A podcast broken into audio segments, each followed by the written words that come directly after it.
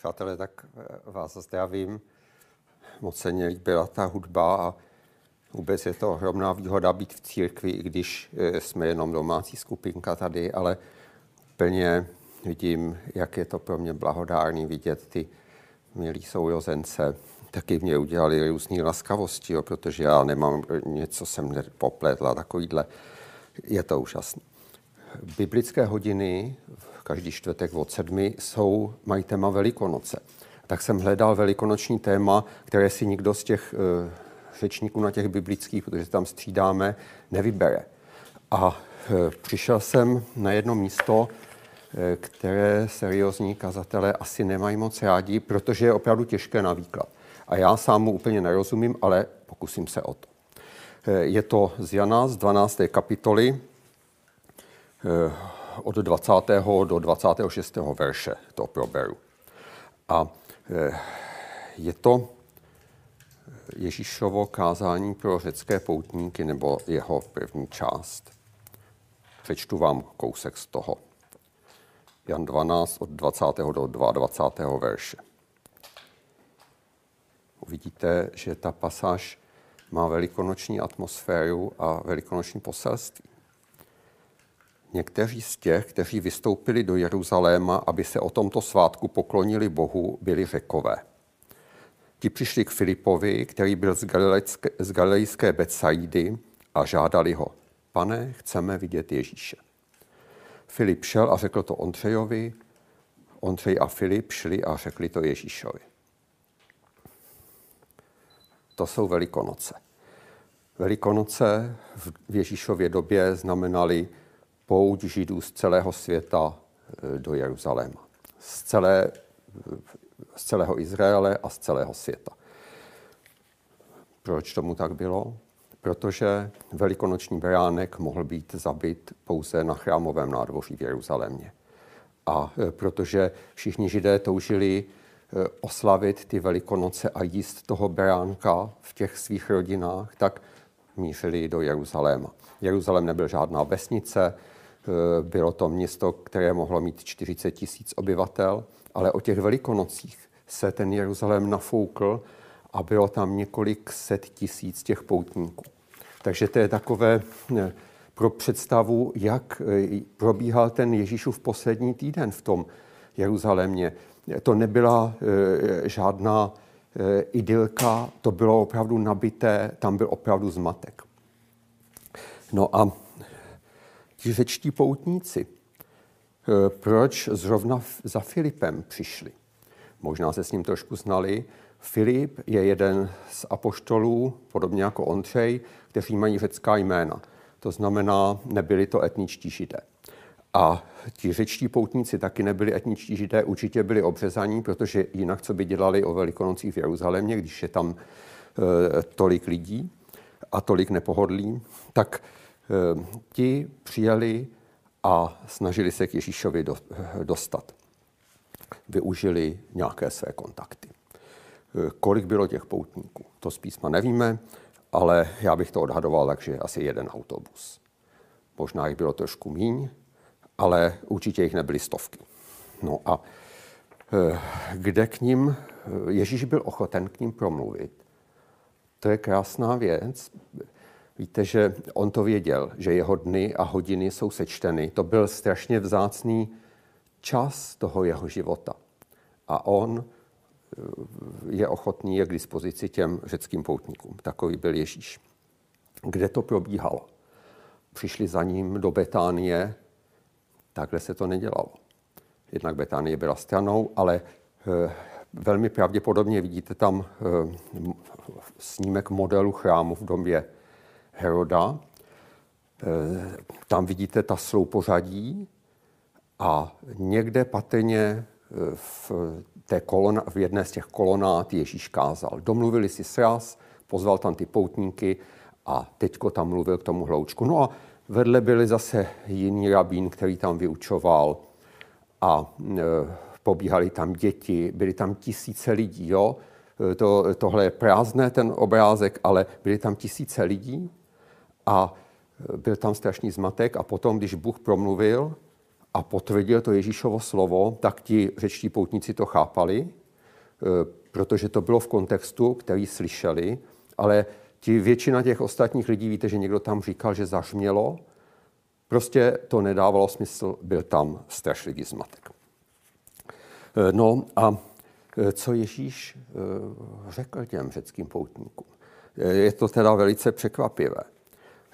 Jak, jakým způsobem mluvil k lidem, z nichž většinu Eh, nebo pravděpodobně nikoho nikdy předtím neviděl. Eh, a eh, věděl o těch lidech, že o něm skoro nic nevědí, akorát, že dělá zázraky a že se o něm říká, že je to možná Mesiáš. A Ježíš jim hlásá drsnou úzkou cestu následování. V Galileji začal blahoslavenstvími, podobenstvími a teď jde opravdu na tělo. Tak zase přečtu pár veršů od 23. verše 12. kapitoly Jana. Ježíš jim řekl, přišla hodina, aby byl oslaven syn člověka. Amen, amen, pravím vám, jestliže pšeničné zrno, které padlo do země, nezemře, zůstává samo. Zemřeli však, přináší mnohý užitek. Kdo má rád svou duši, hubí Kdo nenávidí svou duši v tomto světě, uchrání ji k životu věčnému. To jsou dost desná slova. Mohli tomu rozumět, ani já tomu úplně nerozumím. Snažím se, eh, pokusím se vám k tomu něco říct, ale eh, říkám, eh, ne, nemám to zmákle, nemám to nějak, že bych to byl s tím vyrovnaný. A Ježíš jim řekl, přišla hodina, aby byl oslaven syn člověka. Jinými slovy jim říká, tady je Mesiáš a tomu asi rozuměli. Myslíte, že jim Ježíš vysvětloval, že bude ukřižovaný a že bude skříšen? Velmi pravděpodobně nikoli. To by ten Jan asi zapsal. Ty posluchači jenom pochopili, že o sobě mluví jako o mesiáši a že se blíží vyvrcholení toho jeho mesiášského poslání. Ale stejně Ježíš mluví jako obvykle na téma mesiáš spíš v těch náznacích. Amen, amen, pravím vám, jestliže pšeničné zrno, které padlo do země, nezemře, zůstává samo. Zemřeli však, přináší mnohý užitek. To, že jenom e, zrno, které spadne do země, vyklíčí, e, vyroste v klasi, to je jasné i nám, kteří nežijeme na vesnici. A e, takže to bylo jasné, těm úplně jasný příklad ze života, naprosto srozumitelný i dítěti. Ale o čem ten Ježíš mluví? Myslím si, že poutníci moc jasno neměli a dokonce si myslím, že ani ty učedníci neměli moc jasno, přestože Ježíš jim podobné věci už říkal. Zedno je předně Ježíš a tu smrt myslí doslova.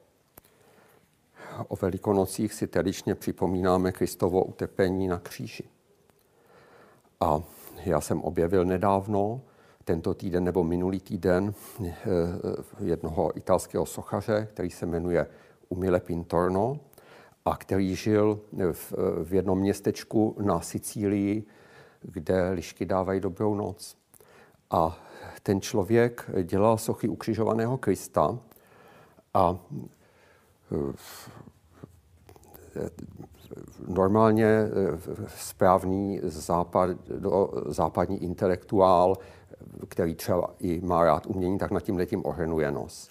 Je to moc naturalistické a e, to e, my na západě nemáme úplně rádi. Ale já jsem se na to díval víc a ten sochař udělal několik desítek těch soch, každá je jiná. V něčem je to podobné, je tam spousta krve, ale každá je jiná a já na tom vidím, že pro toho člověka Kristus byl nesmírně důležitý a že s tím jeho utrpením nebyl vyrovnaný, jo? že to neměl jenom v nějak, jako nějaký pojem, ale že to s ním cvičilo. A to je správné, tak to má být. Neříkám vám, z které je církve, to je jedno. Prostě Kristus pro něj něco znamenal. Já taky nejsem s tím, že za mě umřel eh, vyrovnaný. Je to prostě něco mnohem silnějšího, než co si dovedu eh, zpracovat v té své hlavě. A když to je pro mě jenom pojem, tak vím, že jsem mimo a že mě to přestává docházet. No tak eh, tolik k tomu sochaři, promítnu vám pár těch soch, nebo Vojta Urbán, děkuju za sestřih. A e, Ježíš říká, zemřeli však přináší mnohý užitek. A to, to, vzkříš, to umučení a to vzkříšení patří k sobě vždycky, i v tom Ježíšově kázání, e, dokonce i v tom životě toho sochaře, protože ten sochař e, patřil k takovému prostému, radostnému proudu křesťanství. Jo, takže tohle to o něm víme a oboje je propojené. Je to už v Izajáši v 53. kapitole, tam to najdeme. Tam jsou e, ty strašné verše, že člověk před ním zakryje tvář kvůli tomu strašnému utrpení, ale jsou tam eh, i ty verše o tom užitku. A já nebudu číst ty verše o tom utrpení a místo toho tam uvidíte nějaké eh, záběry na ty sochy a přečtu jenom ty verše o tom užitku. Izajáš 53.10. Uvidí potomstvo, prodlouží své dny a hospodinovo přání se jeho prostřednictvím zdaří. Známahy své duše uvidí ovoce a nasytí se. Svým poznáním můj spravedlivý otrok ospravedlní mnohé. Proto mu dám podíl ve velikých zástupech a s nespočetnými bude dělit kořist. Takže to je Mesiáš. Zrno zemřelo, ale přineslo veliký užitek. A co my? Jak jsme na tom my? kde se najdeme v tomhletom podobenství, to zrno jsme taky my. 25. verš, problém. Kdo má rád svou duši, hubí ji. Kdo nenávidí svou duši v tomto světě, uchrání ji k životu věčnému. To je jeden z nejdesnějších výroků nové smlouvy. Od něj se odvozují asketické proudy křesťanů, sebezraňování některých horlivých eh, vyznavačů Krista eh, ve středověku i později, odmítání bohatství, pohodlí, vzdělanosti, umění a kdo ví čeho dalšího. A možná se kvůli této představě, která vzniká na základě tohoto verše, někteří lidé, kteří hledají Boha nebo hledali Boha a uvažovali o křesťanství, od křesťanství odvrátili. Protože mají rádi svou duši a nechtějí Eh, ji nenávidět.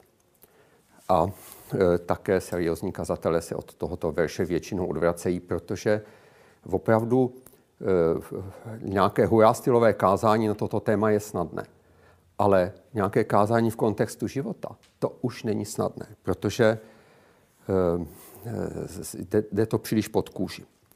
A já nejsem zastánce askeze a domnívám se, že asketou nebyl ani Ježíš, ani Pavel, ale tenhle ten výrok prostě musíme brát vážně.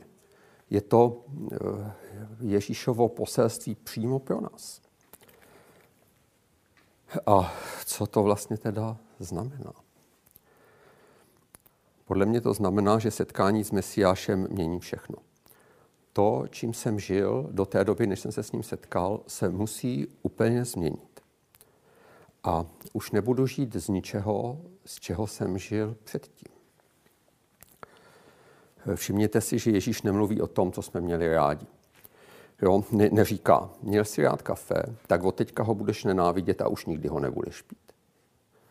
Proč tohle to nemá na mysli? Protože o kafe vůbec nejde. O kafe vůbec nejde. O takovéhle věci vůbec nejde. Záleží na duši ne, nezáleží na tom, co máme rádi, nebo jenom okrajově, ale záleží na tom, jestli si chováme svou dušičku. Eh, je ona nebo my tím, pro co žijeme? Nesmí tomu už tak být. Po setkání s Mesiášem je všechno jinak. Mám příběh, který s tím nějakým způsobem souvisí, napadl mě. Eh, dlouhodobě jsem před lety pomáhal jednomu mladšímu pracovníkovi z jedné křesťanské organizace. Ne pořád, ale čas od času a myslím si, že jsem do něj eh, docela dost eh, investoval. A po několika letech spolupráce mě pozval do restaurace a vytýkal mi, že jsem působil proti němu, eh, že jsem si ho nevážil, že jsem ho neměl já, takovéhle věci. A to bylo pro mě opravdu hrozně těžké. A prožil jsem bezesnou noc, já spím jako dřevo normálně, ale prožil jsem bezesnou noc. Eh, měřil jsem si tep, měl jsem asi 200, jestli jsem to správně počítal a docela jsem měl strach, jestli to vůbec přežiju. Taková nespravedlnost. Ale byla to nespravedlnost. Když jsem se věnoval nějakému člověku a on měl z toho pocit, eh, že eh, ho nějak snižuju nebo že ho nedocenuju nebo že ho nemám rád, to je minimálně i můj problém. Jo. To si prostě za rámeček nedám a prostě se to nepodařilo a ta duše jde do háje. A zažil jsem různou kritiku a různé nepochopení. Často to byly úplně nesmy, úplný nesmysly, co lidi proti mě přinesli. I jsem zažil, že se mě nezastali ty, kteří by se mě mohli zastat. Jo? A e, byly to sice nesmysly, ale e, ta duše e, byla tím nějak zasahovaná. A bolí to. Já jsem se dřív hájil, většinou to nebylo nic platné, eh, protože nejde o tu objektivní stránku věci většinou. Jo. Ale když teď přemýšlím o obhajobě eh, v podobných situacích, tak vidím, že nejde o to, abych se obhájil. Ta duše si to prostě nezaslouží, aby se ukázalo, že to bylo nedorozumění, nebo že někdo mě ošidil, nebo eh, že někdo byl ke mně nespravedlivý, nebo že jsem měl pravdu. O to rozhodně nejde. To pomůže, tahle ta obhajoba by pomohla maximálně té mé duši, ale tady jde o důležitější věci. Křivdil mi někdo a nedochází mu to. Ten má přednost před mou duší. A co církev, která ještě nemá dotkané to svatební roucho, je tam spousta nespravedlnosti a spousta trápení vedle krásných věcí. Jo? I církev musí mít přednost před mou duší žádná sebeobhajoba duše. A všichni vědí, že jsem hlupák a že ten, kdo nade mnou mávnul rukou nebo kdo mi ukřivdil, má pravdu. A být uznán nevinným, šikovným, užitečným, hodným něčeho, to posetkání s Mesiášem už nemá být naším cílem. Bylo to předtím mým cílem. Opravdu, že jo. Ale teď už to tak nesmí být. Eh, co nám v tom pomáhá. To je ten Mesiáš. Ten, který mě vykoupil, ten, který známe svědomí, ten, který vidí eh, do podstaty těch věcí. On zná podíl té mé viny v tom příběhu, který jsem vyprávěl a eh, podíl té nespravedlnosti, protože v oboje dvoje tam bylo v tom. A pokud on do toho vidí, pokud já jsem před ním, tak to je moje bezpečí a ne to, co si myslí ti druzí. I když na druhých mi taky záleží. Pořád. Proto to pořád bolí. Ale Mesiáš, Ježíš, který za mě zemřel. No a to už je poslední část toho Ježíšova poselství řeckým poutníkům. Jestliže mi někdo slouží, ať mě následuje.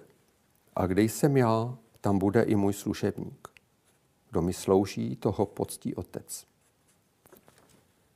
kdo slouží Mesiáši, je s ním mrtev na kříži. Ta duše má e, e, nějaké bolesti a je upozaděná, potlačovaná, ale zároveň jsme tam, kde je On, v té boží přítomnosti. A ta boží přítomnost za to stojí. Ten Ježíš má přednost ve všem, patří mu přednost ve všem před tou mojí duší. A když to je tak, tak je ta moje duše zachraňovaná. To je taky zvláštní věc. Setkal jsem se s pošmoulným učením, že duše je špatná. To je naprosto nebiblické. Je to i v minulosti, i v, i v nedávné době jsem to slyšel jedné skupině křesťanů u nás. Nic takového v Bibli nečtu. Naše duše je strašně důležitá. Proto je klíčová, klíčové, aby byla zachráněna k věčnému životu a na věčnosti tam už i té duši bude dobře. Jo? Tam už nebudou tyhle ty různé bolesti. Když bych se podíval trošku šířejc a vzal tam ještě jednu věc na závěr pro nás. Tohle drsné i pro nás neúplně srozumitelné poselství říká Ježíš lidem zvenku. Lidem, kteří přišli zvenku, nikdy ho neviděli a teď to Ježíš takhle do nich šije. Jaké poselství o Mesiáši přinášíš lidem ty? Říkáme jim, pán Bíček vám pofouká bolístky, tak to jim lžeme. Možná, že e, musíme přepracovat ten koncept toho, jak přinášíme evangelium. Ježíš to prostě dělal jinak. V Božím království jde totiž o něco úplně jiného, než o naše bolístky. Naše duše v Božím království páchají harakiri, ale přitom si užíváme Kristovo odpuštění a lásku. To jsou ty velikonoce. To strašné utrpení a ta obrovská sláva, na které získáváme podíl. A tohle to patří k sobě, když rozumíme, co pro nás Kristus vykonal, jak nám to dává křídla a zažíváme tady na zemi lásku a radost. Pane Ježíši, tak ti děkuju za to, že jsi úžasný Bůh. Děkuji za to, že jsi napřed. Děkuji za to, že ti nerozumíme ve všem, ale že to cítíme, to, že jsi nás miloval a že nás miluješ. Děkuji ti za to, že to můžeme prožívat dneska, každý den. To, co jsi udělal tenkrát v Jeruzalémě, tak eh, nás eh, zahřívá a dává nám život dneska. Prosím, pane Ježíši, abys nás taky použil a Prosím tě, aby eh, tenhle ten eh, lid, který žije v téhle zemi, tě poznal. Prosím tě, pošli dělníky na svou žeň. Prosím tě, použij nás. Naplň nás svou mocí. Ať eh, mnozí se setkají s tebou. Amen.